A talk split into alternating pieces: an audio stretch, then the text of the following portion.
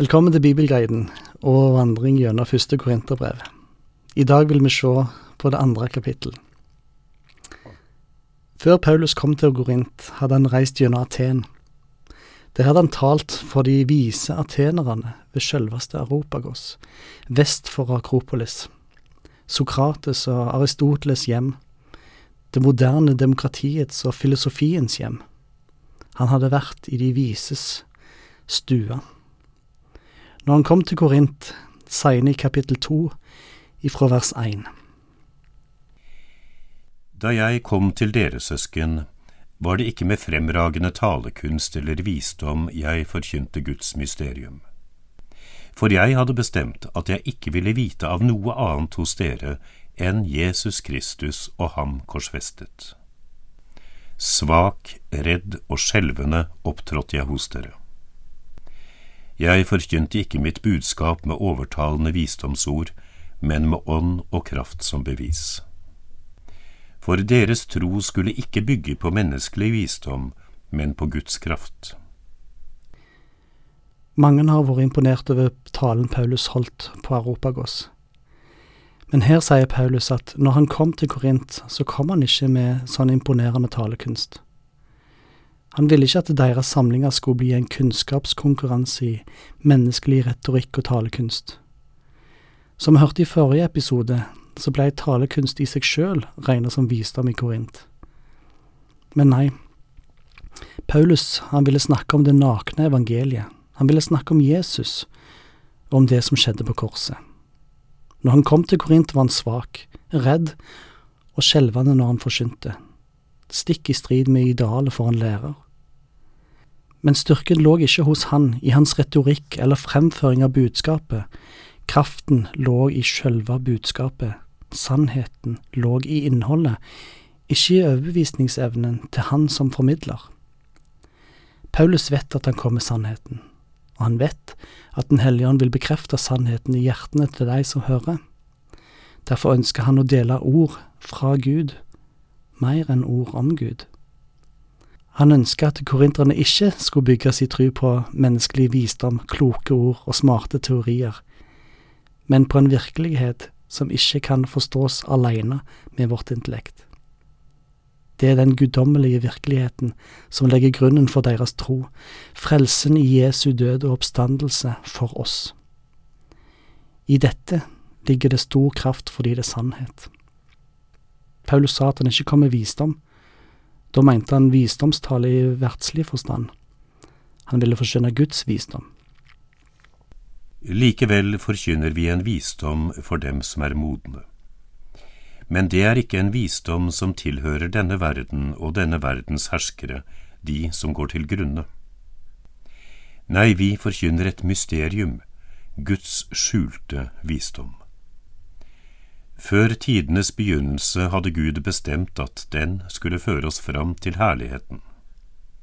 Denne visdommen har ingen av verdens herskere kjent. Hadde de kjent den, ville de ikke ha korsfestet herlighetens herre. Men som det står skrevet, det intet øye så og intet øre hørte, det som ikke kom opp i noe menneskehjerte, det som Gud har gjort ferdig for dem som elsker ham, det har Gud åpenbart for oss ved sin ånd. For Ånden utforsker alle ting, også dybdene i Gud. Fortellingen om Jesu død på korset, dette budskapet som virker som idioti, dette budskapet er den ekte visdommen. Men hvem forstår det? Hvem er de modne? Det er de som har kommet til tro på Jesus. Verden forstår det ikke, men med truens øye så gir det et blikk utover vår egen horisont. Guds mysterium. Det er som om Paulus taler et hemmelig språk fordi det ikke er alle som forstår det. Det ligger der foran øynene på oss alle, men det er skjult uten tro. Det har vært der hele tida. Det er den store planen til Gud, helt for skapelsen av. Ved evangeliet om korset ville Gud føre oss mennesker til herligheten. Guds skjulte visdom. Det er ikke med et intellektuelt gjennombrudd, et eureka, at vi plutselig ser mysteriet og kommer til tru. Men når vi får lytte til Guds visdom, når Guds ord blir forklart eller åpenbart av Den hellige ånd inn i våre liv, så vet vi at Bibelen ikke bare taler sant om meg og om verden, men òg om Gud og om frelsen som er i Jesus. Vi får se at det er en rød tråd gjennom hele verdenshistorien. Vi ser at Gud har hatt en plan hele tida. Vi ser at alt som kan ha virka tilfeldig, har vært en del av planen, nemlig å frelse oss. Denne røde tråden er det Den hellige ånd som har vist oss. Først med å gi oss tro på Guds ord, deretter ved å forklare betydningen av verdenshistorien i lys av Guds ord. Det gir en ramme og et blikk over vår tilværelse som ingen filosof eller verdslig visdom gir. Hadde de skjønt det, hadde de ikke korsfesta Jesus, påstår Paulus. Men det var jo akkurat det som var planen til Gud helt fra syndefallet av. Dette budskapet og denne planen kom ikke fra noe menneskes hjerte. Det kom ifra Guds hjerte, det er Guds plan og hans visdom. Det er ikke noe vi kan finne ut av ved å høre og observere sjøl. Det kommer til den som tar imot Guds ord i tro på Gud og Jesus. For oss som tror, så har Gud vist oss sin visdom ved at Den hellige ånd får forklare dette inn i våre liv. Den hellige ånd kjenner alle Guds tanker og forklarer dem til oss. Han har kunnskapen som kan forklare og gi oss visdom. Den hellige ånd har denne kunnskapen, fordi, som Paulus sier, Hvem andre enn menneskets egen ånd vet hva som bor i et menneske? Slik vet heller ingen annen enn Guds ånd hva som bor i Gud. Når vi tar imot Jesus som vår frelser, får vi ta imot Den hellige ånd i våre liv. Det blir guiden, eller medvandreren for oss gjennom livet, vår rådgiver, som anvender Guds visdom inn i våre liv ved Guds ord. Vi har ikke fått verdens ånd, men den ånd som er fra Gud, for at vi skal forstå hva Gud i sin nåde har gitt oss. Om dette taler vi med ord som Ånden har lært oss, ikke med ord som menneskelig visdom har lært oss. Det åndelige tolker vi med ord som hører Ånden til. Denne ånden som er Gud, har tatt bolig i oss. Han forklarer for oss hva Gud har gitt oss. Han forklarer at vi har fått alt dette av nåde. Nåde, det forsyner sannheten om mennesket, og sannheten om Gud. Paulus sier at de taler om det som Gud har fått vise dem gjennom sitt ord, det som Den hellige ånd har forklart for dem. De bruker ord som troende forstår fordi de kjenner det igjen, de beskriver en åndelighet som ikke er vitenskapelig, derfor brukes ord som ikke blir oppfattet som særlig vise. Slik menneskene er i seg selv, tar de ikke imot det som hører Guds ånd til.